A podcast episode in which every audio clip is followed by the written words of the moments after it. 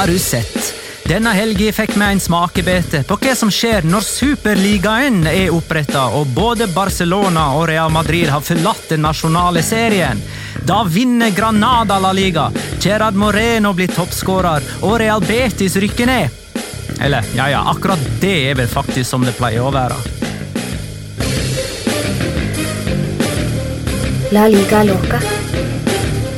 En litt gærnere fotball. Ja, ja, ja. Dette er La Liga Loca episode 89 av det ordinære slaget, og det er jeg helt sikker på, for i dag er det mandag. Jonas Giæver, hei. What I do, baby? Petter Wæland kan ikke være her eh, i dag, men det kan Tobias Storhuste Dale. Hei. Hei. Godt å ha deg tilbake. Det er så deilig å kunne bare plinge på deg hver gang noe skjer, og så er du her. Ja. Eh, takk for at eh, jeg fikk invitasjon igjen. Og mitt navn er Magnar Kvalvik. En eh, La Liga Loca-episode som er skvisa mellom to eh, La Liga-runder, som kommer tett i tett. Først en håndsopprekning i studioen. Har noen Rekk opp hånda, den som har forstått konseptet med at en såkalla vinterball skal være rød. Jeg rekker ikke opp hånda. Ikke jeg heller. Jonas rekker ikke opp hånda. Tobias rekker ikke opp uh, hånda. Er, er ikke den sløyfe allerede? Pink Alert heter den vinterballen. Pink til- alert? Eh, Men og, og eh, em, altså, Ja. jeg har ikke eh, andre synsproblem enn at eh, jeg er nærsynt. Det kompenserer jeg med med å bruke briller eller linse. Mm. Men sjøl jeg hadde faktisk problemer med å se den ballen i oppgjøret mellom Sevilla og Getafe søndag kveld på Ramón Sánchez Pijuan. Eh, og jeg vet jo at det er mange, det er mange eh, som eh, har en eller annen form for fargeblindhet rundt omkring i verden. Jeg tror det er sånn 12% av den globale befolkningen, og all, de aller fleste av dem sliter med fargen rød og grønn. Og du, du har helt rett, Jonas. Det ser ut som de skal sløyfe denne ballen her nå pga. uendelig mange klager. Det var jo snakk om at den ballen skulle brukes i et ganske langt tidsrom fra oktober, vel, til en del ut i januar-februar. Ja. Men etter at det var så mye klager, så har La Liga nå snudd og sagt at det kun i ekstremtilfeller Hvis så- det blir snø, Ja. eh, og bana faktisk blir hvit, da skal de bruke Da den røde ballen. Men, men det som var interessant med det, bare for å skutte inn, var jo det at det, de lagde jo et kjempeevent av de greiene her. Det var jo Santi ja. Cazorla var der, Mark Bartra var der, masse av de spillerne fra den, den kvinnelige ligaen var der. og liksom, Dette var stort, og Puma skulle vise seg ordentlig fram for de som har blitt altså, den nye ballleverandøren til La Liga. Og så, noen uker etterpå, så i god spansk stil, så vrir de. Ja, dette er jo vanlig. Eh, år etter år så er det en sånn type vinterball. Mm. Eh, men det vanlige er at vinterballen blir gul, sånn som f.eks. i Premier League, eh, som i tilfellet nå. Men i Spania så valgte man altså rød, eh, og det føyer seg inn i en rekke av rare ting La Liga har klart å organisere denne høsten her. Eh, Og nok en gang så må de liksom eh, biter i sure epler, eller hva det heter for noe. Skal vi ta denne runden, da? Sånn som eh, det fortoner seg. Eh, Det begynte med Villarreal Alaves 4-1 fredag kveld. Villarreal er La Ligas mestskårende lag med 24 mål på 10 seriekamper. De trengte 24 serierunder på å skåre 24 mål i fjor. Trengte bare 10 år. Eh, Leganes Mallorca 1-0. Håkon skriver til oss. Nevn at Mallorca har tatt på seg oppdraget å gjøre ligaen så jevn som mulig. Først ved å påføre Real Madrid sitt første tap, for så å gi Leganes sin første seier. Og det, det er typisk det. At et, eh, et, en liten klubb som sler Real Madrid, går på et tap mot bunnlaget runden etter. I tillegg altså, har jo, altså Leganes har jo ikke en fast trener engang. De har jo Men B-lagstreneren. det var jo typisk. Det er veldig typisk, og jeg synes jo det er litt gøy da at, at eh, Leganes biter litt fra seg. For jeg synes jo at de Jeg vet ikke med deg eller med dere, at, eh, men Leganes liksom, det har blitt en sånn koselig liten klubb å følge med på. Så jeg liksom sitter og håper litt på at de holder seg i La Liga, selv om jeg, vi tippa dem vel ned. Så så Ja. tror de var 18, nummer 18 på tabelltipset vårt. De var, jo, eh, de var jo ganske bra i våres også, med Ja. Niseri og eh, ja, Jeg hadde tippa dem, har tippa dem godt inn på trygg grunn. eh, Har du det? Ja, ja. Okay. Så jeg må spise de. Jeg, jeg har riktignok tippa Granada på 20.-plass også, da, så bare glem Det har også vi gjort. Det har også vi gjort så det, Har dere tippet dem på 20 ja, vi, hadde- vi hadde det på sisteplass. Jeg har sjekka. Ja, ok. Tror jeg. Jeg mener, husker det jeg. er Leganes, da. Husker du det i samme slengen? Jeg tror de var 18.-plass. Ja, ikke sant, som Jeg, både... jeg tror jeg hadde Leganes nesten opp på 14.-13., noe der omkring. Jeg tror jeg hadde Mallorca på nest siste, og så er også Sona det, det av de nyopprykkede som vi trodde skulle overleve. Mallorca er på trygg grunn, Ja. og det, det er det lite som vitner om. Mallorca på trygg grunn, de slo Real Madrid, de. Det kan godt Ja, men bortsett fra det. Altså, eh, de er det laget med dårligst bortestatistikk, og er samtidig det laget med færrest spilte bortekamper, så de har en del bortekamper igjen. Hvis de Ja. har bortekompleks i tillegg, så Det er fortsatt eh, tidlig. Vi går eh, videre i runden. Valladolid Eibar 2-0. Valladolid har eh, faktisk bare tapt to seriekamper. Det vil si eh, at det er kun Atletico og Real Madrid som har færre tap enn Valladolid. Mens eh, eh, for Eibar sin del så er det skikkelig sånn halteføre Hva heter det når man går Kladdeføre, heter Kladdeføre, det. heter det. Mm. Eh, jeg bare går videre, jeg. Gå. Jeg skulle bare si at ja, Det er andre, andre runden på rad at uh, Valladolid plager baskere. De spilte jo 1-1 på San Mames også siste runde. Så, Ja, riktig. så de er gode, res- resultat, eller gode, nylige resultater mot baskelag. Jeg vil si to ting. Jeg syns det andre målet til Valladolid, der de tok, tok kort corner, var fint, og så syns jeg Ronaldo Fenomeno har lagt på seg enda mer. Kjør. Apropos baskere, da. Eh, Atletico Atletic 2-0. Enda en, et baskisk nederlag. Eh, Etter tre strake uavgjort uten en eneste skåring i åpent spill, vant endelig Atletico Madrid igjen med to mål i åpent spill. De er altså ett eh, av fire lag med 19 poeng der oppe i toppen. Eh, Celta Vigo Real Sociedad 0-1. Real Sociedad er det eneste baskiske laget med poeng denne serierunden. Eh, skandinavisk scoring da Ødegaard serverte Alexander Isak. Eh, Real Sociedad er òg ett av fire lag med 19 poeng. Deres beste sesongstart siden de ble nummer to i 02-03-sesongen. Granada Real Betis 1-0. Dette er jo den store snakkisen da etter denne runden. her. Gjennom historien så har Granada toppa La Liga etter til sammen to serierunder. Første gang var etter runde fem i 1973.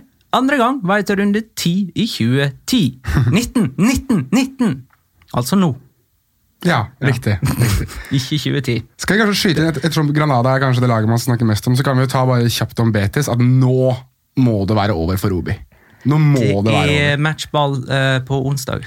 Er det det? Mm, Ja, i midtvekkerunden. Ja, sant nok. De tar jo ikke nå, tar det til midtrunden, men han må jo være ferdig. Og til alt overmål så var det jo tidligere Betis-spiller Vadillo som senka Betis mm. for eh, Granada. Levante Español 0-1. Español har to seire på tre offisielle kamper med Pablo Machin som Ikke trener. sant? De Ikke slo sant? jo Ludo Ludogorets i Europaligaen før helga.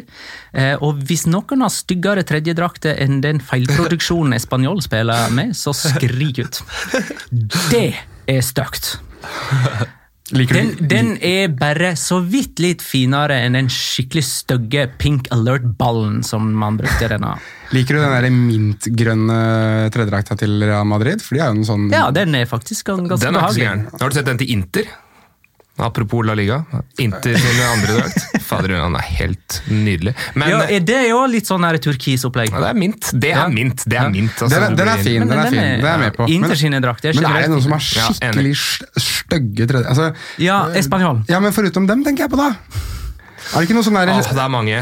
Det er jo, jeg tenker på Ila Liga. Jeg, er liksom, det er veldig sjelden hvor det på en Det måte er ikke så ofte at de har tredje drakt i Vet La? Liga, egentlig. Jeg syns Chetaffe sine røde bortedrakter som de har hver sesong, jeg syns ikke det er noe pent. Og jeg syns heller ikke blåfargen på trøyene, hjemmetrøyene deres er noe fine, hvis er det lov å si. Det ser litt sånn utvaska ut. Ja, vet, det, er ikke, det er liksom verken fugl eller fisk. Har Men, ikke tenkt noe særlig på Getafe sine. men Levante, ikke i form av drakter, men eh, Spanjol eh, slo jo Levante. Ja. Du sa jeg måtte bare skyte ut hvis jeg Ja. hadde noe jeg ville si. Eh, fordi jeg tror ikke de hadde vunnet hvis man hadde lagd en syntese av Ernani og han derre Morales. For hvis du hadde hatt den slepenheten til Morales og hurtigheten til Ernani, Da. så hadde Levante vunnet alt. Ja, da hadde de ledd av La Liga. Må, må de ha gjort. Så Ernani pluss Morales er lik Cristiano Ronaldo, eller et eller annet sånt. da. Ja, i hvert fall, i hvert fall Cristiano Ronaldo Light. Ja. Sevilla Chetaffe 2-0. Sevilla er det fjerde laget med 19 poeng. Eh, den veka som kommer nå, skal de spille mot Valencia borte og Atletico hjemme. ja. Er du fortsatt like skeptisk til Julian Lopetegi? Ja. Ok. Det er Eh, og eh, til neste mandag så kan jeg fortelle mer om det. For da har de spilt mot Valencia og Atletico Madrid. Ok, fair. Men eh, bare for å ta Sevilla litt. Du er skeptisk til Lopetegi. Men det som jeg var skeptisk til før sesongstart, som eh, Monchi mislyktes med i Roma, det er jo at han Altså at, at Monchi spiller football manager, det er ikke noe å lure på. Han spiller football manager, og ser du på de han henter Ja, han skal, han skal hente billig og så selge dyrt. Og, Ja, og så har de, altså Det er bare sånne Og Campos, du har Oliver Torres, du har sånne football manager-navn.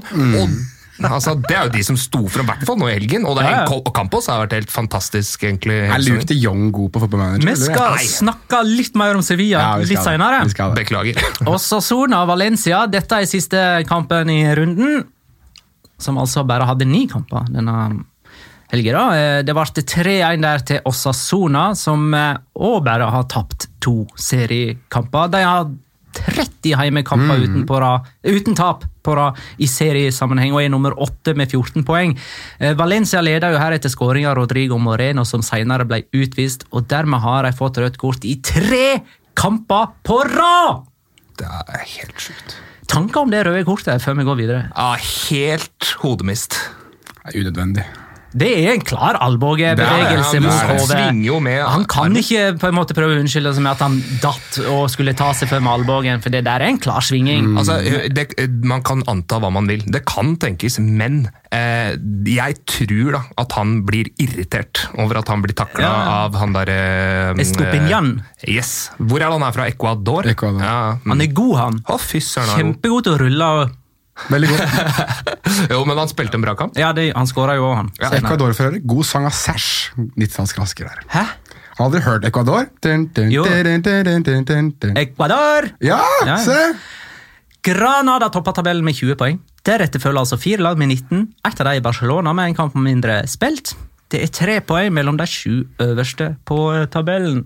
Og Da kan vi jo gå litt sånn nøyere til verks. Eh, Min frykt før denne runde ti var jo at disse topplagene ikke skulle benytte seg av sjansen til å tettere til der oppe mens El Clásico ble utsatt. Jeg hadde en sånn frykt for at Barcelona og Real Madrid skulle ha de to øverste plassene sjøl uten å spille, men så vant jo alle topplag! Det var jo en dans på bordet fra samtlige. Deriblant eh, Granada, som altså har tatt like mange poeng etter ti runder nå som de tok hele sesongen sist gang de var oppe i 16-17. Da rykka de jo ned. Da hadde de fire seire over hele sesongen, nå har de Ja, seks. Det er mye som har skjedd der eh, siste året, åpenbart. Jeg må, ja, det er det. Vi kan ta litt mer om det. Eh, Jeg må bare påpeke at de har jo like mange poeng nå som det Alaves hadde på tilsvarende tidspunkt i fjor. ikke sant? Eh, og, og der var det jo en skikkelig kollaps. ikke sant? Alaves eh, havna jo på ellevteplass. Eh, og, og om Granada havna på ellevteplass i år, så vil jo det være en kjempeprestasjon. Kalte ikke vi Alaves for Alavester på et lite tidspunkt der? Vi trodde at det var sånn Leicester-toget kunne være Alaves. Men så spør jo Eirik Horvath, da. Hvordan rangerer dere Granada 1920 opp mot Getafe 1819? Og kanskje er det en bedre sammenligning enn Ala Granada Alaves? Nei, jeg synes ikke det. Fordi det, er, det var en sånn kynisme med Getafe i fjor som jeg ikke har sett ennå, i hvert fall, fra Granada. Altså, de Nå er det vel tre kamper på rad de har vunnet 1-0, er det ikke det? Eh, Eller noe sånt? Jo, det er jeg rimelig sikker på. Jeg tror det er det, og jeg mener at de det er jo altså det er, det er mer marginer for deres del innimellom. da, og Jeg synes de er morsomme å se på, jeg synes at det er noe oppofrende og spennende der. Men det var noe med Chetaffe at når, når de tok ledelsen, så var kampen over veldig ofte. altså De, de sparka jo stykket stykker kampen etter det.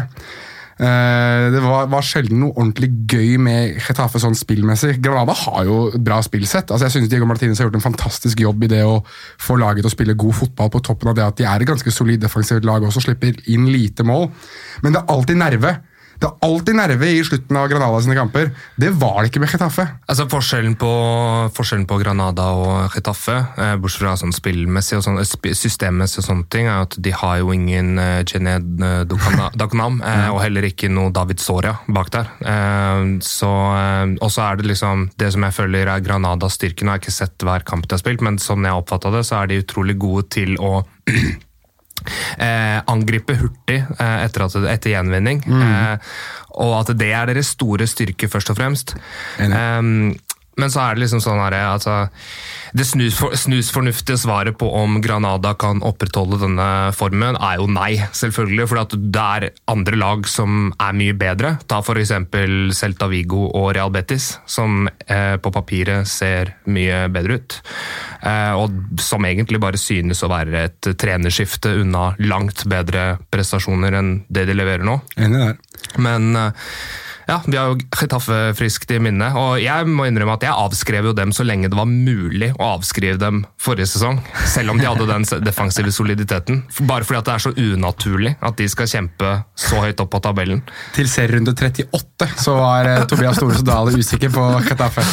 Nei, ikke langt unna. ass. Eh, Jeg tenkte etterpå, etter serierunde 30, tenkte jeg nå kommer en kollaps.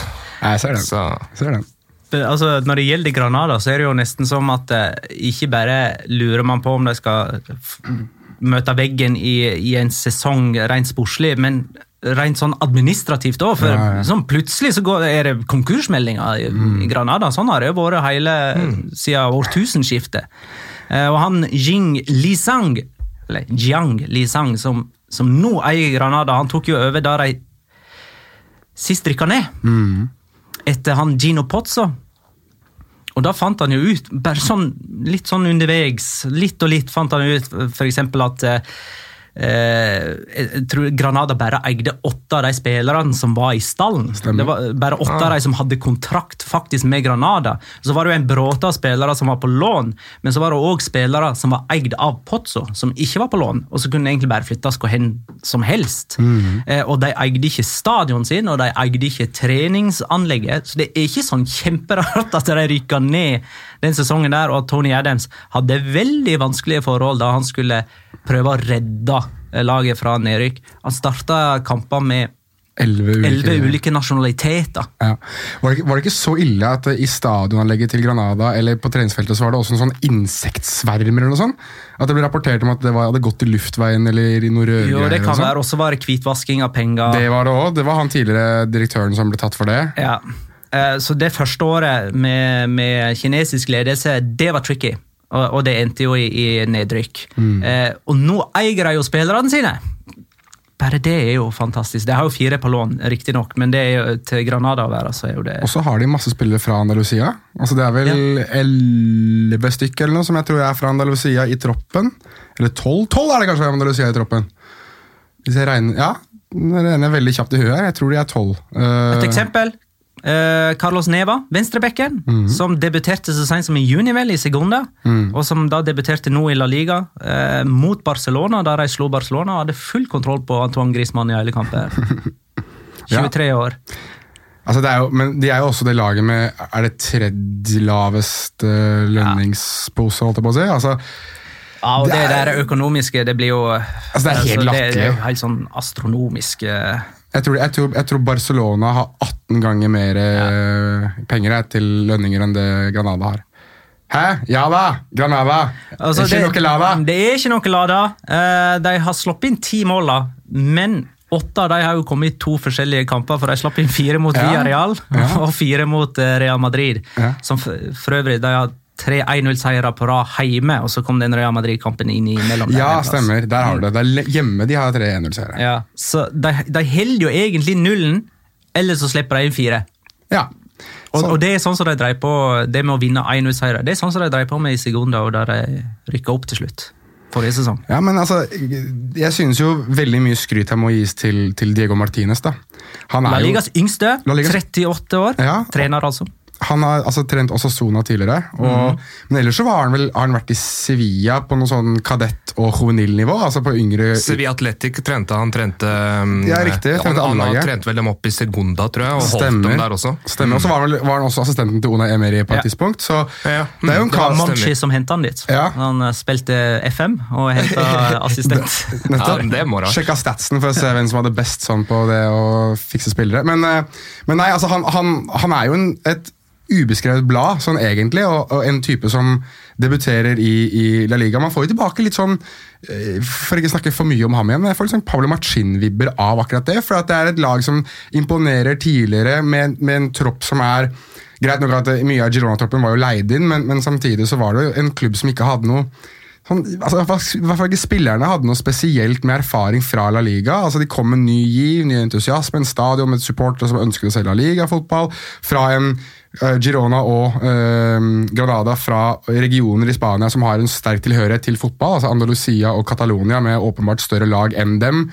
Uh, det er veldig mange likheter, da. Og jeg synes det er utrolig gøy å se at Granada, som, som vi egentlig forbinder mer med tull og fjas og Tony Adams, faktisk klarer å, å levere et bilde nå som er mer representativt for dem, og som de faktisk kan være stolte av, mer enn at de blir en gif som går på Twitter i, eh, i evig tid. Og så syns jeg at uh, i sterk kontrast til motstanderen deres nå i helgen, Real Betis, så syns jeg at det ser ut som at de har en plan. Det, du skjønner litt hva de prøver på å få til. Nok en gang skårer de etter å vinne ballen på Ja, motstanderen er ja, men det er akkurat det der greiene der, at de er utrolig gode mot uetablert, og at de liksom er flinke til å De, kjører, de, de klarer å sirkle inn eh, motstander som har ball. Og så har jeg en teori med Maxim Gonalons, som ikke, var eh, en, som ikke kommer til å stå skrevet med gullskrift i historiebøkene til Sevilla. Og det er at han kanskje er en spiller som passer den type fotballen bedre, hvor laget ikke har så mye ball, men at det handler om å få avlevert kjappest mulig når man vinner den, og ikke være altså, kontrollert spiller. Men det er bare en, jeg har ikke peiling, jeg har ikke sett han nok. Jeg syns også Yangel Herrera er så god. Jeg har to ikke venezuelanere som er skikkelig Darwin Machis også, ja. Mm. Men altså, jeg, jeg har jo snakket om uh, Angel Herrera i nesten to sesonger. Altså, Han er så god. Altså, Han kan gjøre det så å si alt både med og uten ball. Han. Det er, Ja, helt enig. Jeg, er helt, altså, jeg sitter sånn, Er det ingen storklubber der ute som ser det at det kanskje han burde spilt altså, han, er på Er, lån er han ikke eid av City? Ja? han er eid av City, men jeg mener, kunne ikke han gått inn på den midtbanen der og gjort noe nå? Men altså, Oppriktig Ah. talt.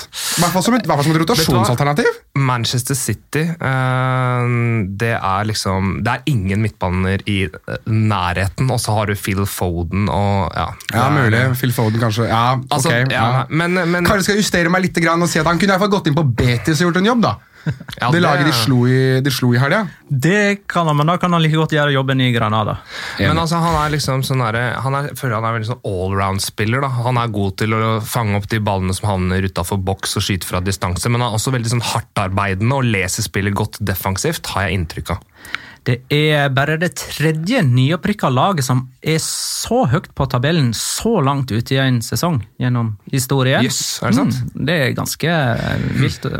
Det er jo nå sesongen ordentlig starter. Ja, vi har jo, vi Ja. har jo eh, Etter runde åtte så erklærte vi at sesonginnledningen Ja, okay. var ferdig. ja. Nå er vi i gang. Jeg tenker ti. Sånn da, Ja, men De har jo spilt ti nå. Ja, jeg vet det. Og da, og da må du begynne å ta eh, Da må du ta tabellen litt mer på alvor, føler jeg. Ja. Vi skal ikke glemme at El Clásico ikke er spilt. Hvilken kamp er det? Hvem er det som spiller der? Barcelona og Real Madrid. Ah, Men ah, okay. en av dem, eller begge, må jo avgi poeng der. Eh, Så nei, dette tar vi for god fisk. Har du utropt Granada til seriemester 2019-2020, Magne? Nei, men som serieleder etter ti runder. Ah, ok, ja, greit. Vi eh, går videre til andre topplag. Eh, Sevilla eh, slo altså Getafe 2-0. Chicharito skåra runden etter at Luke de Jong skåra, så nå har plutselig begge spissene til Sevilla skåra i serien. Eh, Chicharito har jo skåra en del i Europaligaen, så han har, han har skåra i tre av fire kamper han har starta for Sevilla.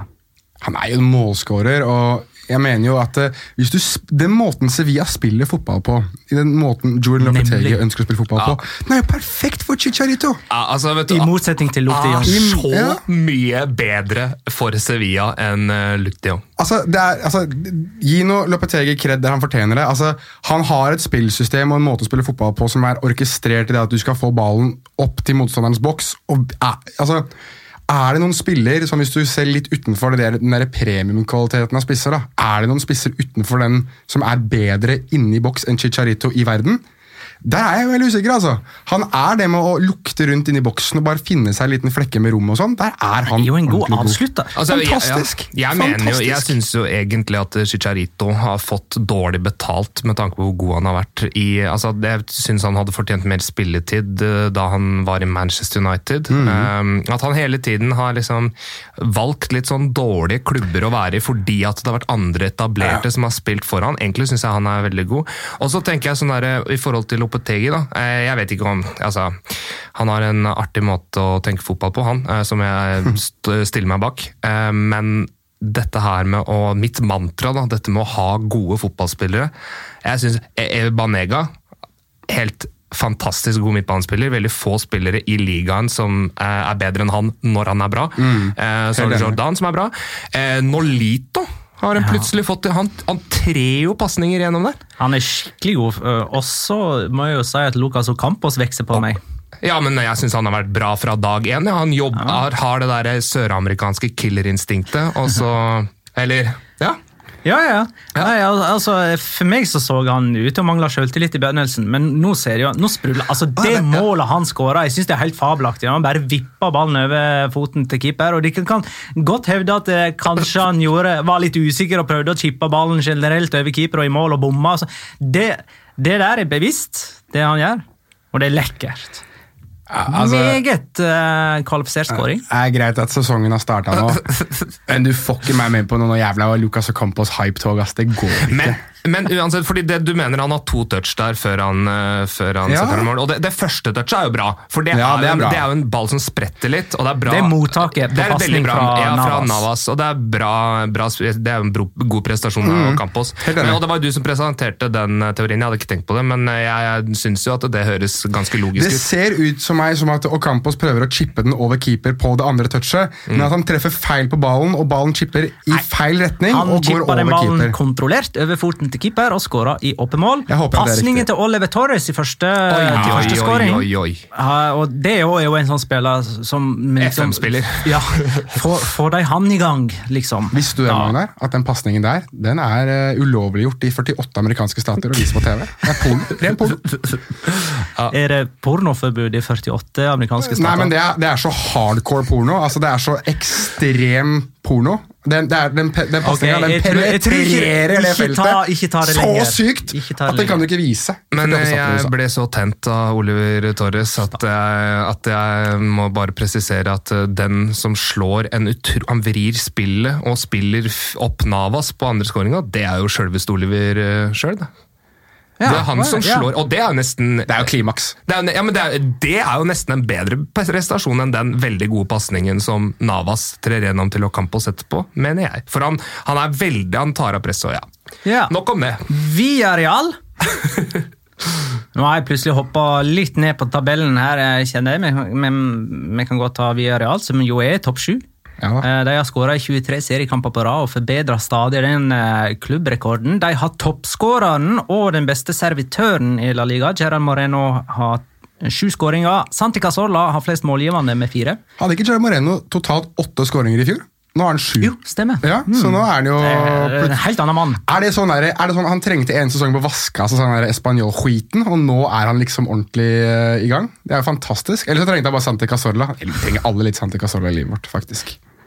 Eh, og så kan det jo faktisk hende at Albiol Pau Torres er et brukbart stoppapar. Det kan jo hende.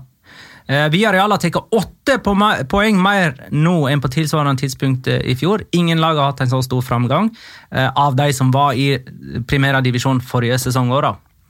Altså, Granada har hatt den største framgangen, for å si det sånn. De hadde null poeng i primæra forrige sesong, og nå har de 20. Men, men eh, du nevnte i stad at Viareal et eller annet med antall mål, skårede mål, at de brukte 24 serierunder på Ja. ja.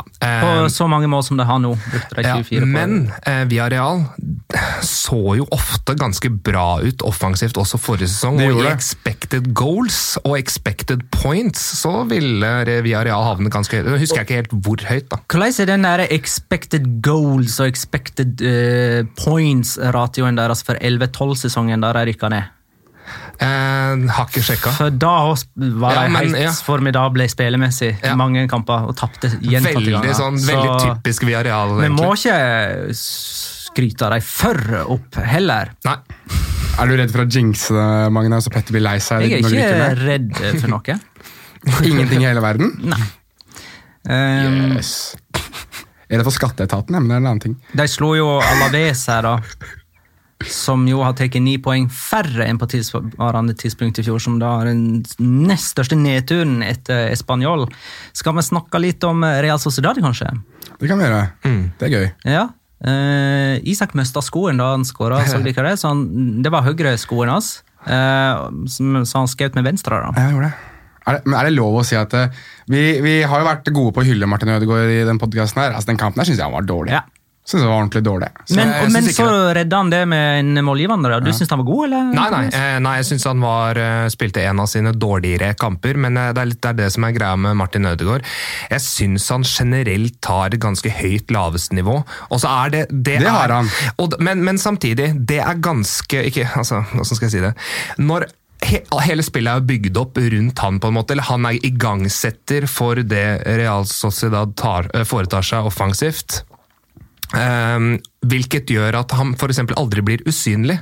Så det er veldig lett for han å spille noen støttepasninger og se helt ålreit ut. Jeg syns det er én involvering etter en uh, nullskåring hvor han spiller fri han der en venstrekanten som kom inn for årets Abal. Lucas Sangalli? Sangalli, ja. Mm. Nei, jeg vet ikke hva du tenker på der. Ja, den, det er en veldig fin prestasjon. Assisen er ikke noe storartet. Det er, eh, Det er mer Isak enn ja, ja. Ødegaard. Ja, han skulle jo faktisk ha to målgivende. Mm. Tenk meg om.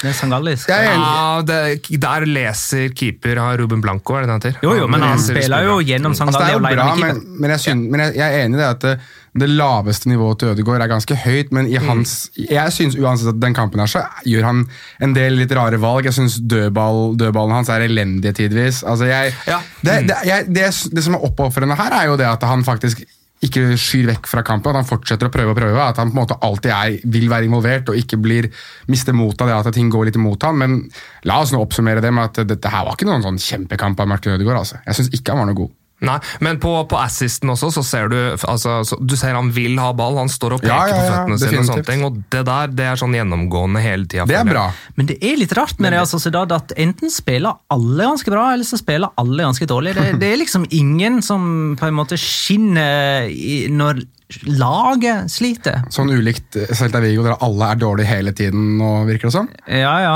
Men eh, du har jo lag der du har én spiller som på en måte redder deg, eller to spillere som står fram. eh, Iago resten Aspas i. Celta Vigo, for eksempel? Sånne. Sånne. Ja, jeg jeg er enig med Det deg. er liksom et veldig, det er antagelig et tegn på kollektivet i Real Sociedad. Ja, men, men kollektivt så er det jo Det snakket vi om siste episode også, om at eh, det er det laget som er, er mest moro å se på av eh, lagene i La Liga, syns i hvert fall jeg, og, og som får men- mest ut av spill, spillstilen sin også. Så jeg er helt enig med deg, Magnar, i akkurat det der. De er litt utfordra via Real på det der eh, moroest å se på. Ja, det er de to. Ja, det er de to. Um, jeg syns Real Sociedad altså, Sorry, Real Sociedad. Sociedad um, jeg begynte å si det på tull, og så har det bare blitt Bærer jeg det med meg. Um, Real Sociedad uh, de har uh, Jeg syns de minner De minner om en litt sånn der ung, naiv, litt dårligere utgave av det Atletico Madrid var da de kom gjennom for fullt i 2013-2014. uh, hvor du hadde det derre Ja, den derre Det killerinstinktet foran, eh, i mangel av bedre ord. Men Ja, det- Mangler den defensive soliditeten, men jeg ser hvor jo, du, jo, jeg ser hvor du vil hen. litt offensivt. At du Jeg hadde liksom der løpskapasitet og vilje til å angripe. Mm. Ja. Jeg ser hvor du vil. Ja. Atletico slo altså Atletic Klubb med 2-0. Første mål av Saul, og her kommer en quiz. Eh, Hvem skåra det andre målet? Hint! Han er like gammel som Jonas. Og er så dårlig at han bør gå til treneren sin og si jeg fortjener ikke å spille på et så godt lag som Atletico Madrid, og har nå skåra i to kamper på rad. Jeg måtte, jeg måtte jo jinxe det på en eller annen måte, selvfølgelig. Det er jo Svaret er Alvaro Morata. riktig. Og det er og med all ære til Alvaro Morata for den skåringa her. Kjempeløp, og det er en pasning som er, eh, er fantastisk god også fra, fra Angel Correa. Så han skal ha kred for det, men, men jeg står på mitt. Jeg synes han spiller for et lag som er for godt for ham, og det er litt sånn at blind høne også finner korn. Det er litt Ah, sånn Skal du ta den igjen? Eh, um, Han- han og- varierer det, så han og, Ok, greit, en, en stoppet klokka Ja, er ikke to ganger om det, dagen. det var den andre du ikke skulle ta. Takk. Men, eh, men han, hvis jeg hadde satt han og Luke de Jong på topp i et lag, så hadde ikke laget noensinne skåret mål. Aldri. Ah, Alexander Larsen spør har Atletico Madrid et større potensial offensivt uten Diego Costa. Han starta jo ikke denne kampen. her. Han kom bare inn og var sur, han. Eh, Det var Angel Correa og eh, Alvaro Marata som starta på topp. Og Apropos Angel Korea, der har du enda en sånn spiller som man kan si sånn Hvis de får i gang Korea, sånn som hvis de får i gang Morata, hvis de får i gang LeMar, hvis de får i gang hvem Costa Kåke. Ja, Nei, men Kåke er nå eh, liksom en god spiller som leverer noe noenlunde stabilt, mens de andre er på en måte Så, sånn, ja. Kjempegode spillere som bare får det ut i en og annen kamp eh, hver 15. runde. Jeg skjønner hva du mener. Vitolo, for eksempel. Ja, men han har vi nesten avskrevet nå. Vi stilte det spørsmålet rundt han da han kom i sin mm. tid, men nå er vi på en måte ferdig med Vitolo. Men er ikke Angel Korea på ei hylle litt over sånne som Vitolo og Thomas LeMar og sånne ting? Altså, liksom... Kanskje ikke over Thomas LeMar. Syns du ikke det? Nei, men, men begge har på en måte prestert like usikkert. Eh, Så, Mm. og, og nå er Angel Korea i denne kampen her mot Atletic. Ja, leverer han helt kanon. Ja. To målgivende. Den vendingen han har før Den første skåringen. på første skåringen, jeg synes det forteller så mye om en spiller. da. Men den beste prestasjonen i den kampen her, det er Jan Oblak sin redning på Ja. headingen til Inigo Martinez. Han har to tvil. skikkelige Fytte igjen. rakkeren. Han Ja, den er helt Er det noen diskusjon om, om han er nei, verdens beste nei, nei, keeper? nei, nei, nei. takk. Det er ikke noe, Flott. det er ikke noe diskusjon. For meg, i hvert fall. Nei. Jeg tror vi bare runder av um, topplaget der. Diskusjonen om dem går til det litt mørkere kapittelet, til lag som uh, Valencia, Real Betis, Celta Vigo. De tre lagene der som de sliter jo. Det er storklubber som er forventa skal være høyere på tabellen, og som leverer ganske dystert runde etter runde. Og det er så typisk at hvert av de lagene har sin sånn avgjørende eh, hendelse i hver sin kamp. Du har Valencia som leder mot Osasona og får rødt kort ved Rodrigo Moreno. Ødelegger kampen. Så har du Celta Vigo mot Real Sociedad, der Papecheik får eh, rødt kort. To gule i løpet av fem minutter. På stillingen 0-0 ødelegger kampen for dem. Og så har du Real Betis, der Guardado på stillingen 0-0 mener han skal ha frispark da mot Granada. Og så blir han bare liggende Ja, mens spillet fortsetter. Eh, Og på et tidspunkt der så ruller jo ballen rett forbi han. Mens han bare ligger der i fosterstilling og holder seg til en utvalgt eh, kroppsdel og insisterer på å ligge. Og Tre sekunder senere så skårer Granada, og fem sekunder senere så er han på føttene for å klage på dommer at han ikke fikk frispark. Og ber om VAR for at det skal stoppes. Det òg, ikke sant? Ja. Så der har han ødelagt den situasjonen for Betis, for de kommer ikke tilbake i kampen. Så det, det er noe med at du kan liksom ikke uh, peke på trenere heller. Skal, hvordan skal de gardere seg mot sånne opptredener, liksom? Men det er det som blir utslagsgivende for de trenerne her. da, altså for to av de, så, altså jeg, jeg regner jo med at uh, både Fran Escriba og, og, og Robi mister jobbene sine etter den runden, midtukerunden. Altså, du må nesten tro det nå. For nå har det gått så skeis, og det er trenere som er tilgjengelige på markedet som de kan hente inn. Dette her har jo vært den høsten der du har liksom den beste trenerkapasiteten sittende ledig på mange, mange år. Og da tenker jeg ikke nødvendigvis på José Mourinho, selv om Nei. han er en av dem, men du har Kike Setien og Pablo Machin som Abelardo. Espanol. Abelardo, Ja. som gjorde det kjempebra med Alaves. De tre siste trenerne vi nevner der, er jo sånne som egentlig kunne tatt hvert sitt lag her. Definitivt. Eh, Definitivt. Valencia, Betis og Celta Vigo. Så tok altså Español Pablo Machin, da. Ja, og Valencia har tatt uh, Albert Salades. Ja, de, de sparka da en, nei, en rutinert mann og ansatte en urutinert en. Ja, for nå kan jo ikke Marcelino må vente neste sesong han må ikke det for å få seg en ny jobb nå. Må han ikke det, ikke sånn? I La Liga, ja. ja. i La Liga. Men kan, jeg bare, På den her kampen mellom Granada og Real Betis, så har du Du nevnte Guardado som eh, det elementet som ja, Ødelegger. ødelegger. Jeg syns jo han Havi Garcia har gjort Ja, nå. vet du hva? Nå er det så okay. inn i granskauen nok! Ja, eh, når eh, Guardado ligger nede, så gir jo òg Javi Garcia opp. Eh, Han nå vil jo ha at Guardado skal ha frispark og ha en sånn herre halvhjerta takling i sekundet etterpå der og miste ballen, og det er da ballen ruller forbi en liggende Guardado. Så det er jo to mann der som det som er, han, det som er eh, Javi Garcia jeg synes, For det første, han er seint ute og han er langsom i veldig mange situasjoner. Han har vært det hele sesongen, egentlig. Men han, eh, før han kløner det til på skåringen til eh, Granada, så gjør han jo nesten akkurat det samme like før, som ikke resulterer i mål. Altså, Han er virkelig akilleshæl i det laget der. Altså, du, altså, det, han, har, han hadde en grusom takling på Ødegaard Uh, Ja, på, på Anueta. søren, det skulle vært et rødt Og han hadde enda en grusom takling. Jeg husker hvem det var på nå mot eh, Ja. Granada. Men han har to Ja, han skikkelig svinetaklinger. Altså, det er, Er det så lov å si? Ja, det er lov å si. Fader. Phil Neal, gris. eh, Og Javi Garcia, gris. Det er lov å si, for han er altså så utrolig grusom å se på å spille fotball. Javi Garcia i sin tid var ganske lovende, spesielt i Benfica husker jeg han veldig godt at han var veldig god som anker, og han var Mm. veldig lik eh, navnebror Martinez som spiller i Bayern München nå. Zenit var en av de beste, beste spillerne. Der var han også veldig god. I hvert fall av det lille jeg så i Champions Definitivt. Og at han har utviklet seg til å bli en så, sånn kjøleskap som han har blitt nå, som ikke beveger seg, og de gangene han gjør det, så er det for å prøve å kveste motstanderen.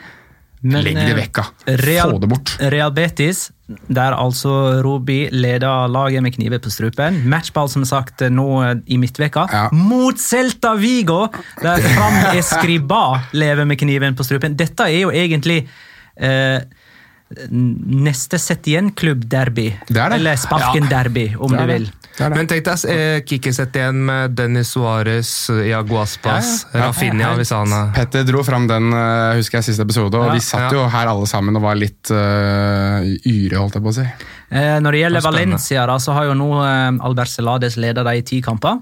Eh, offisielt, da, altså i Champions League òg. Tre seire, fire uavgjort og tre tap. Og de ti første under Marcelino, sju seire, tre uavgjort. Men i fjor, under Marcelino Ja, da var det annerledes. Da var det jo nesten på var det- nedrykk. Ja, da var det.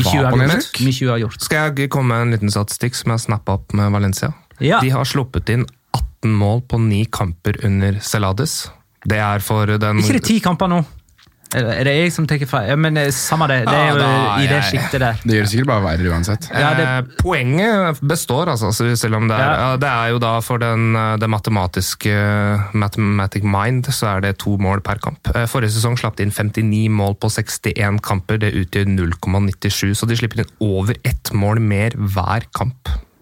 Og eh, mot Lill og Osasona hadde de til sammen 56 avslutninger på seg. Det er bare å glede seg til Ella Kim Mangala skal inn og ordne greiene her. Mens de sjøl produserte ni avslutninger. Og de var, ja, hmm. Ja, nei, altså det, men, men, Eh. men, men jeg synes jo at det, de har jo en del i spillet sitt som ser spennende ut også, Valencia, men samtidig, når du har tre utvisninger i tre, kamp, eller, altså tre utvisninger, en i hver de tre siste kampene, så det ødelegger jo vanvittig. Eh, og, og jeg synes at det er noe rufsete og ufullstendig, kan jeg kalle det for det. Altså, det er noe som virker bare mangler i Valencia. Um, Chris Robin Eriksen er jo Valencia-supporter og er jo litt inne på det, det som jeg nevnte i torsdagsepisoden, um, om, um, ja, om uh, Valencia rett og slett har for mange hotheads i laget. Altså lag som, eh, spillere som eh, det går litt varmt for. Eh, fire utvisninger nå denne sesongen på Valencia. og Kan man spørre seg om disse røde korthendelsene òg kan skyldes oppstyret som er i klubben? Enkelte av spillerne har jo hjertet for klubben og lir akkurat like mye som fansen. Altså, Det kan absolutt gå ei kule varmt for spillere som supportere. Altså at eh, Spillerne er jo faktisk supportere av klubben, og da kan de tilta. Det var det jeg eh, var litt inne på, mener jeg, at, i forrige episode. at det, alle disse røde kortene, jeg klarer ikke å, å liksom se de for seg og styret i, rundt eh, klubben for seg. Jeg, jeg, jeg ser sammenheng. Jeg, klar, jeg klarer ikke å se bort ifra sammenheng. Nei, jeg, jeg ser poenget ditt. Er. At det er et poeng der. Definitivt. All right, jeg tror vi kan uh, stilne den der. Ja, Og så gå over på uh, den nostalgiske timen. La oss uh, gå litt tilbake i tid. La oss eh, gå til den tiden da Da eh, nå, nå legger jeg vekk Ja, gjør det! Den tiden da fotballspillere spilte i så korte shortser at de måtte teipe ballesteinene sine for at ikke de skulle plumpe ut og skape fotografiske klassikere. Jeg eh, forteller om en historisk begivenhet i La Liga-sammenheng. Dere skal sette et årstall på det. Dette er siste serierunde i en eller annen La Liga-sesong. Real Madrid var allerede seriemester og skulle ende opp ni poeng framfor Valencia på andreplass, noe som er veldig stor margin ettersom det bare ble tildelt to poeng for seier denne sesongen. I siste seriekamp, som jo i grunn bare ble en formalitet, en slags showkamp på Santiago Bernabeu for seriemester Real Madrid, tok Real Oviedo ledelsen etter fem minutter. Real Madrid utligna etter 15 minutter ved Joaquin Parra. Og der har jeg et saftig hint. Hæ? Joaquin Parra, som spilte to sesonger i Real Madrid og skåra dette ene målet. Den famøse. Eh, Nei da, drit i, i det. Det er først nå etter denne utligningen at eh, showet som er kjerna i dette tilbakeblikket, starta. For i det 36. minuttet skåra Ugo Sanchez på straffe. Rett etter pause skåra Hugo Sanchez til 3-1, og i det 64. minuttet var hat tricket til Hugo Sanchez et faktum. Real Madrid vant kampen 5-2, og La Ligas toppskårer Hugo Sanchez hadde altså skåra sitt 36., 37. og 38. mål for sesongen, og dermed utligna legendariske Telmo Sarra sin skåringsrekord i La Liga. Og denne skåringsrekorden skulle Hugo Sanchez dele med Sarra helt til Cristiano Ronaldo skåra 40 mål i sesongen 2010-11, fulgt opp av Messi som skåra 50 år etter det. Det er jo den stående La Liga-rekorden. Men det Cristiano Ronaldo ikke klarte, og som Messi heller ikke har klart, faktisk har ingen i hele vide verden klart dette, det var å skåre alle mål på første touch. For Ja. det gjorde nemlig Hugo Sanchez. Ingen av hans 38 mål var driblinger. Ingen av målene hans kom etter et mottak i forkant. Alle ble skåra med én ballberøring, inkludert det nevnte hat tricket han runda av med. Når da? Hæ? Alle målene han hele en hel sesong? første touch. Med ett touch? Det er jo helt vanvittig. Det er den sjukeste statistikken jeg har hørt. Ja, det er, den er faktisk helt vill. Eh, men du må, men du skal jo, du skal, da må du ha en sesong, du da. Du kan jo ikke ha et år her. Men tenk dette hat tricket, da. vet du, da De 38 målene var et faktum. Ah, okay. ja, Men eh, eh, hvordan er det? Det er sånn at vi Vi må diskutere her, da. Vi må diskutere, ok. Ja. Fordi at det som er det jeg, jeg tenker på Sanchez, hvis ikke jeg husker helt feil, er, snakker vi 80-90-tallet? Snakker 80-90-tallet. Han Og så hadde du Barcelona sitt Dream Team med, med Johan Cruyff, hvor Mm. de eh, vant noen seriegull, annet fire på rad en periode. Dette er tidlig, Eller tre på rad. Det, det er tidlig, fire. Dette er tidlig, dette er tidlig, 90 det er tidlig 90-tallet. Ja, dette, det- dette er tidlig på 90-tallet, så det betyr at det, Jeg tror det er før det. Ja, det tror jeg òg. Så det, vi snakker slutten av 80, kanskje? Hugo, uh, Hugo Sanchez spilte i Atletico Madrid, og så gikk han fra Atletico Madrid Ja. til Real Madrid. Stemmer. Eh, han VM i 1986 ble spilt i Mexico. Da var han vel også en ganske fremtredende spiller, og da tror jeg han, spilte, da tror jeg han allerede hadde spilt for Real Madrid. Um, åh, nå er jeg rein, altså. Dette er vanskelig. Denne her er vrien, Magnar. Fordi Jeg vet også at Hugo Sanchez hadde ganske mange sesonger der han var toppskårer, åpenbart fordi han er jo Ja. en av tidenes mestskårende i La Liga. Um, Men jeg, det som er mitt problem, er at jeg mener at han spilte Om han spilte i Real Madrid, det er jeg usikker på, men at han spilte innover inn mot 90-tallet. Det gjorde han. Det gjorde han. det gjorde han 100 Men, men gjorde han det for Real Madrid? Ja, jeg lurer på om ikke han spilte et par sesonger inn i Og hvis dette var det siste, og så skal du samtidig eliminere var det den siste, Sa du det? at det var siste sesongen hans i Real Madrid? Nei. Nei! Å ja, for han Mm. ah, Ok, greit. Ja. Jeg mener å huske at Jeg mener, å huske, jeg Nå mener, må vi fram til et svar. Okay. Ja. jeg mener å huske at eh, Hugo Sanchez spilte i Real Madrid til enten 92 eller 93. Mm. Han hadde noen sesonger jeg mener å huske at Han kom ganske tidlig til Atletico Madrid på 80-tallet. Mm. Hvis jeg regner ut hvor gammel han er, og så videre. Han har jo trent Mexicos landslag osv.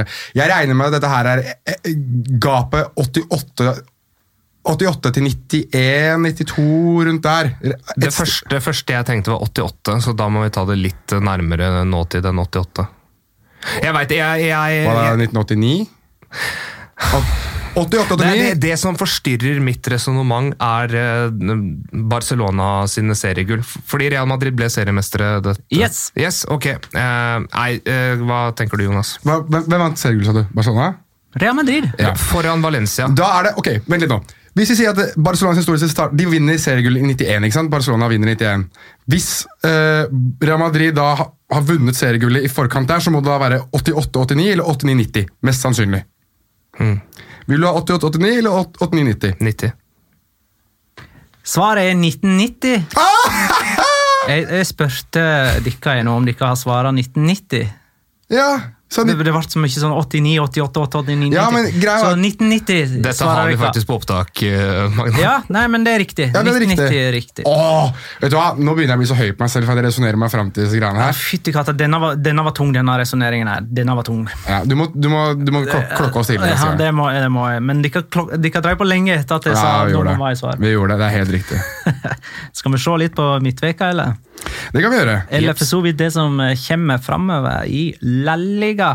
Barcelona skal jo i aksjon igjen nå. De tar imot Valladolid og Ronaldo. Sin gamle helt. Fenomenet Ronaldo er tilbake igjen på eh, kamp eh, nå. Uh, og dette er en sånn typisk kamp der Messi skårer tre og serverer to. Begge serverer han til Suárez, og så får Griezmann masse kritikk for å være lite involvert. Jeg syns det er ganske greit oppsummert. Ganske greit oppsummert. Eller så scorer- eller så scorer Rakitic og gjør et eller annet som skal liksom opphause supporterne. Ja, for han blir jo sterkt. Mm. uh, linka f.eks. til Inter. og sånn. Men Alba er vel tilbake? Er Alba tilbake, Tobias? Har ikke peiling. Nei, Jeg var inne og så på uh, Marca sin antatte lagoppstilling. Mm. Og de hadde Alba på back. Venstre da, altså. Men det er noe, det er noe sånt. Det, han er klar nå. Eller det har vært snakk om det, mener jeg å huske. Ja, jeg, jeg. skal helt ærlig, jeg er ikke sikker på Ja, men jeg er ikke helt det. Jeg vet ikke. Hvis, stemmer sikkert hvis Marca skriver det. Og så er jo Barcelona Levante borte eh, til helg igjen. Så, sånn på papiret så skal dette være ei grei uke for Barcelona, som jo òg har fått eh, hvile denne helga. Det samme gjorde jo Real Madrid, som møter Leganes. Fikk du med deg eh, Mark, eller As og El Chiringuito i dag, eller? Som hadde avbilda Gareth Bale på vei til London nå i helga? Nei, det har jeg ikke fått med meg. skikkelig sånn furore om at Gareth Bale hadde bare dratt fra Spania. Av personlige årsaker var visst det Real Madrid hadde kommunisert ut. Men det var noen av som hadde snappa bildet av Gareth Bale i sikkerhetssjekken på vei til London. Ja, for Fantastisk. Zinedine Zidane valgte jo å bruke Rodrigo i eh, det som mange omtalte som skjebnekamp i Champions League mot Galatasaray. Galatasaray. -hmm. Så det virker jo som eh, Hvordan er ståa med igjen? Er, det liksom ut igjen i fryseboksen nå? Altså, det er vel Etter er, at eh, han liksom kom så sterkt i begynnelsen av sesongen er det ikke Katy Perry som i sin tid hadde en sang som var You're hot and you're cold, you're yes and you're no? Jo, jo. Det kan godt hende det var hun. Jeg tror det var Katy Perry. cold is yes and no. Jeg, jeg, må, jeg må jo på en måte få opp mine kulturelle referanser etter så mye sånn popstyr tidligere. Ja, riktig. Jeg er enig. Nå har vi hatt Vassandguttene og Katy Perry. Det er ganske fin Vassandguttene! Ja! Ok. Nydelig. Eh, Real Madrid har jo tre heimekamper på rad nå. De har jo uh, Se. Jo, de, det er litt morsomt, for nå møter de jo Leganes denne midtveka, og de har jo nettopp sparka trener. Og så møter de eh, Real Betis på Santiago Bernabeu til helga, og da har jo de jo nettopp sparka trener, skal vi tro oss sjøl. Ja, må tro det. Og så har de jo Galatasaray eh, veka etter det. Og de sparker alltid trenere, så det kan fort være Ja, Fatih Terim lever ganske Ok, jeg skal ikke ta hele. Ja, det vet ikke jeg, Men jeg tror altså. Fatih Terim sitter litt utrygt i Galatasaray også, hvis jeg ikke husker helt feil. sist gang jeg leste. Så det kan fort være at det er faktisk tre lag som kommer til å sparke trenerne sine. Og så møtes altså Real Betis Celta Vigo onsdag. Og jeg regner jo med at enten Robi eller Franes Girba eller begge ryker etter dette sparken-derby. um, og tenk her i dette oppgjøret. Betis Celta Vigo. Så har du de to mestskårende spanjolene fra forrige sesong. Borja Iglesias på Betis, Iago Aspas for Celta Vigo. Og I tillegg så er toppskåreren nå delt med Gera Moreno, da. Loren Moron for Betis. Og så Santimina for Celta Vigo, som jo er store forventninger til. Dette er jo to er angrep som møtes, og som stivner i avgjørende øyeblikk, begge to. Og her blir det 0-0. Det hadde vært så typisk. Eh, onsdag er òg Valencia-Sevilla. Sevilla har ikke vunnet på Mestalla siden 2012. Da vant de 2-1 eh, etter mål av Gary Medel og Jesus Navas. Gud. Gary Medell, ass. Tino Costa skåra for Valencia. Vi er der, ja. Og Unai Emery var Valencia-trener. Og han var Valencia-trener, ikke Sevilla-trener, men Valencia-trener. Ja, Ja. Dette var jo eh, Det er våren forhistorisk, 2012. da. Ja, det er jo det. og, og så kan man jo regne dette det eh, dramatiske europaligaoppgjøret på Mestalla som en, en triumf for Sevilla, men de tapte jo 3-1 i den kampen. Det var jo et bortemål på overtid Stemmer. som gjorde at de avanserte til Det var vel finale, da? Det antagelig var det semifinale. Ja, det mener jeg husker det. Sånn erindre sånn langt bak i huet mitt. Jeg har Så- ikke tenke så mye på det greiene her. Mestalla er jo en av de eh, stadionene der Sevilla aldri vinner, sammen med ja, arenaen til Atletico, og enten om det er Vicente Calderón eller Wanda Metropolitano, og Camp Nou og Santiago Bernabeu. Rakk Julian Lopetegi å trene Real Madrid på Mestalla i fjor? Husker jeg ikke om uh, Vant ikke Sevilla 3-0? Nei, jeg snakker om uh, da Real Madrid møtte Valencia på Mestalla i fjor. Oh, ja, på Real Madrid Valencia, ja. Var Julian Lopetegi trener da? Det husker jeg ikke. Ikke jeg heller. Men jeg mener Valencia enten vant eller fikk uavgjort, poeng. i hvert fall. Ja, uavgjort. Ja. Så jeg prøver, jeg prøver å finne liksom sånn Jeg tror ikke det var Lopetegi, nei. Jeg tror kanskje det var Santi Solari som var trener da. Ja, veldig mulig. Uansett. Uh, og så uh, Så Valencia, vin, Valencia taper jo her, mest sannsynlig nå. Uh, Jeg skulle til å si det at et møte med Sevilla er det siste Valencia trenger for å stoppe rekka med røde kort. Dette er skikkelig hatoppgjør. Um, vi skal ikke glemme at Real Sociedad møter Levante onsdag, med sjanse til å vinne sin tredje kamp på rad. Litt typisk om de snubler da og taper 1-2. De skal jo også møte Granada til helga, de. Det er jo toppkamp. Tenk at det er toppkamp. da. Det er så nydelig, det. Det er jo fantastisk. Det er det. Og, Men altså, Real Sociedad har jo faktisk ganske bra lag. De er, det ville ikke sjokkert meg om de hadde hanka inn en fjerdeplass, eller i hvert fall ikke europacupplass. Nei, De ligger der. De, de ligger sammen med Sevilla som eh, de, de to lagene jeg har som favoritter til å ta den fjerdeplassen nå. Med tanke på at eh, Valencia ikke eksisterer lenger. Det som, det som jeg syns er så oppløftende for Real Sociedad sin del, er jo at de ved i hvert fall to anledninger har vært ute med begge Elustondo og han Jorente. Ja, ja. Begge, begge midtstopperne sine, og har klart å løse det. Jeg tror de har vunnet begge de kampene også, hvis ikke det er flere. Jeg vant jo ikke den kampen der Jorente ble utvist da, mot uh, Getafe. Det var jo en Nei, fiasko. Fiasko. Eh, på torsdag kveld spiller Getafe Granada, og den hadde jeg ikke trodd jeg skulle framheve. Men eh, det må man jo. Det er to artige trenere også. Ja, ja. Bordalas mot eh, Martinez. Ja. Og eh, to, eh, ja, Det er G-derby, dette. Det er G-derby, ja. En test på hvor hen Granada står, da. Det mener jeg. Hva- nei, holdt jeg, på, holdt jeg på å komme med en dårlig vits, som jeg vet at du hadde himla med øynene for. så det Det skal jeg ikke ikke gjøre. Kanskje du skal heller kåre rundens spiller? Det kan jeg jo gjøre heller. Eh, runde ti. Runde ti. Eh, og da vil du ha musikk? Jeg vil alltid ha musikk, Mange. Da skal jeg prøve å skaffe det. Har du hørt eh, historien om han som var et lovende talent? Han som skulle ta verden med storm og bli en av landets beste fotballspillere før alle skadene ødela fram? Selvfølgelig har du det, vi, vi har alle det. Ofte deles denne historien av en kompis, gjerne over øl nummer fire og litt munter latter. Han overdriver kanskje litt, snakker om speidere fra storklubber som finsiktet ham, at han var den nye versjonen av en eller annen superstjerne. Karrieren er over, men fortsatt titter man tilbake i anger på det talentet man visstnok skal ha hatt. Og så bestiller man seg øl nummer fem. Men hva om jeg forteller deg den alternative versjonen? Den om han som var et lovende talent, skulle ta verden med storm for alle skadene ødela. Hva med forteller at han ikke la skoene på hylla likevel? At han som 16-åring debuterte i La Liga. At han som 17-åring spilte mot Real Madrid på Santiago Bernabeu. Hva om jeg forteller deg at det var i en duell med selveste Sergio Ramos den første alvorlige kneskaden skulle finne sted?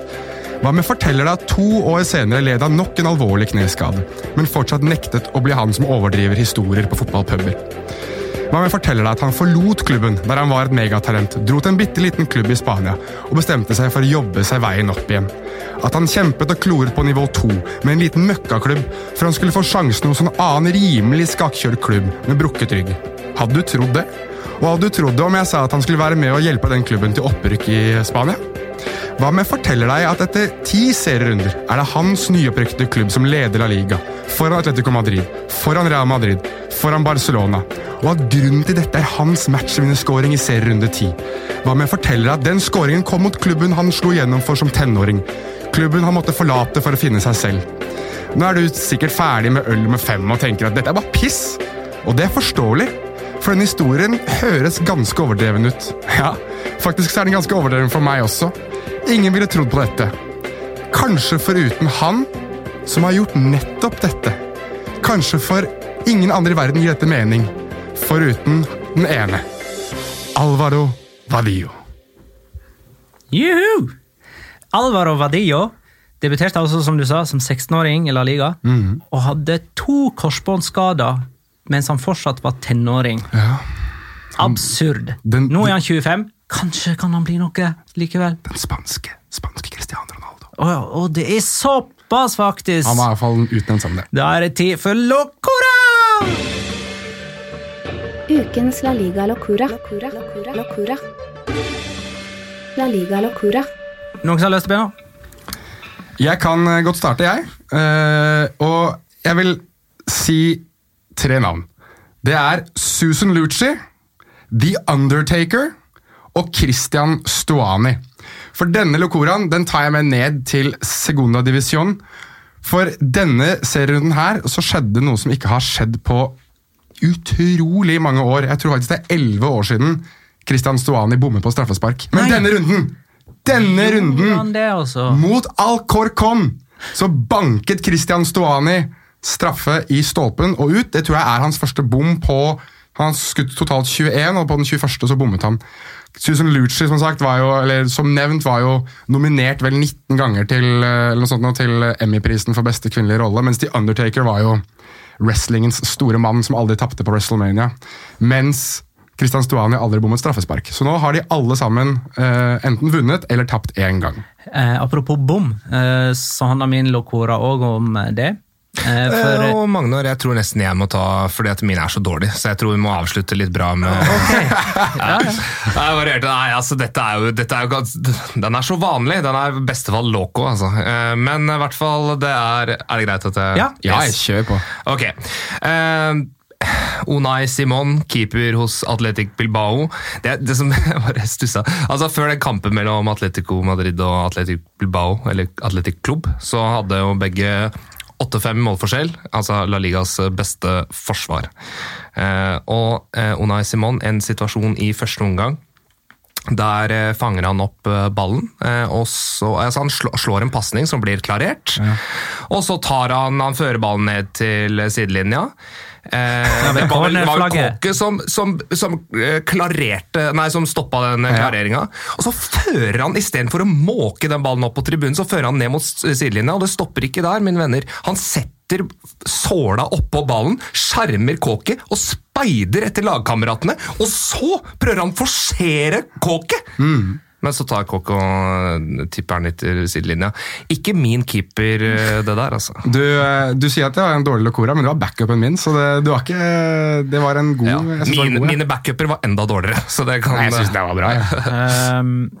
Ja, vi er på bomma og dårlige prestasjoner nå, da, Ja, ja. åpenbart. Eh, For i forrige serierunde, runde nummer ni, så hadde Joselo for Alaves en kjempebom etter et innlegg fra sida, som keeper da prøvde å slenge seg ut for å bryte, men som ikke klarte det. Og så havna jo da ballen hos Joselo, eh, som har åpent mål fra tre meter og setter den ballen i tverrlegger. Og da tenker jeg liksom dette er årets bom. Eh, ferdig snakka. Og så kommer altså Carlos Fernandes med en sånn her eh, hold my beer-variant denne runden for Granada. Der det først er et skudd i stolpen. Keeper slenger seg naturligvis eh, og er utspilt da når eh, returen går ut i føttene på Carlos Fernandes, som for åpent mål fra tre meter skyter utafor. Med mulighet til å dempe ball og alt det der, tenker han på første berøring. Så det var faktisk enda verre. Det var Aziz som skjøt i stolpen, var det ikke det? Jo, det gjorde Men var det, det så dårlig av Altså, var det så dårlig prestasjon? Kommer han ikke litt sånn der brått på? Nei, ikke ta han i forsvar nå. det. Det var Hold My Beer. man. Altså Santimina med headingen sin eh, også. Ja, men den er faktisk ikke så stor eh, likevel. Nei, den er ikke det, men det er men, tre meter fra mål, altså. Carlos Fernandes får en ball brått på seg. Ja. gjør det. Nei, jeg synes, jeg synes eh, alle lokorene her var veldig bra denne runden. der. Vi hever nivået. Vi må tippe, og det skal um, eh, godeste Tobias da får gjøre på vegne av Petter. Vi har valgt eh, Valencia-Sevilla. Jeg bare setter opp 5-0 og Kangin Lie som første målskårer der. Vet Han, merker han, jeg- vet han merka ikke det, vet du. Jeg er, jeg er så dårlig til å tippe at jeg tror det er bedre sjanser for dere hvis jeg faktisk tipper det jeg tror. Og det jeg tror Nei, vent litt, da. Ja, Eh, vent litt. Forrige kampen var Osasona Valencia, så vi skal jo ha Valencia igjen. Ehm, der ble det altså 3-1 til Osasona, med Rodrigo Moreno som første målskårer. Eh, Petter hadde 1-1 med Torres som første målskårer, det er null poeng. Jeg hadde 1-2 med Parejo som første målskårer, det er null poeng. Og Jonas hadde 1-1 med Abila som første målskårer, det er null poeng på alle sammen. Petter har 12, jeg har 9, Jonas har 6. Petter skal få begynne. Mitt tips er Valencia-Sevilla 1-1. Første målskårer Maxi Gomez. Dette hadde Petter òg tippa. Det er faktisk helt sant. ass. Han hadde i alle fall tippa 1-1. er jeg Jeg, jeg tror bare som kampbilde, jeg tror at eh, Valencia tar ledelsen, og så går det liksom mot sånn nå snur vi skuta, og så rakner det på slutten. Da kommer en eller annen. Luke de Jong. Jeg, Ja, jeg, sier, sier 2-1 til Valencia og Parejo som første målskårer. Jonas, Eh, jeg sier 0-2, jeg. Faktisk. Det er litt typisk at jeg med øynene til Sevilla tror på Valencia-seier, og du med øynene til Valencia tror på Sevilla-seier. 0-2 og Nolito. Der ser du. Da har jeg skrevet ned det, altså. Ja. Ja, men da er jeg fornøyd, jeg. Jeg er ganske fornøyd, jeg òg. Da takker vi for alle innspill og spørsmål som vi har fått av lyttere. Vi takker Tobias, som igjen står eh, stiller sporty opp på kort varsel og leverer til gull. Gleden er på min side. Takk for at dere kom. Takk for at du lytta, kjære lytter. Ha det, da.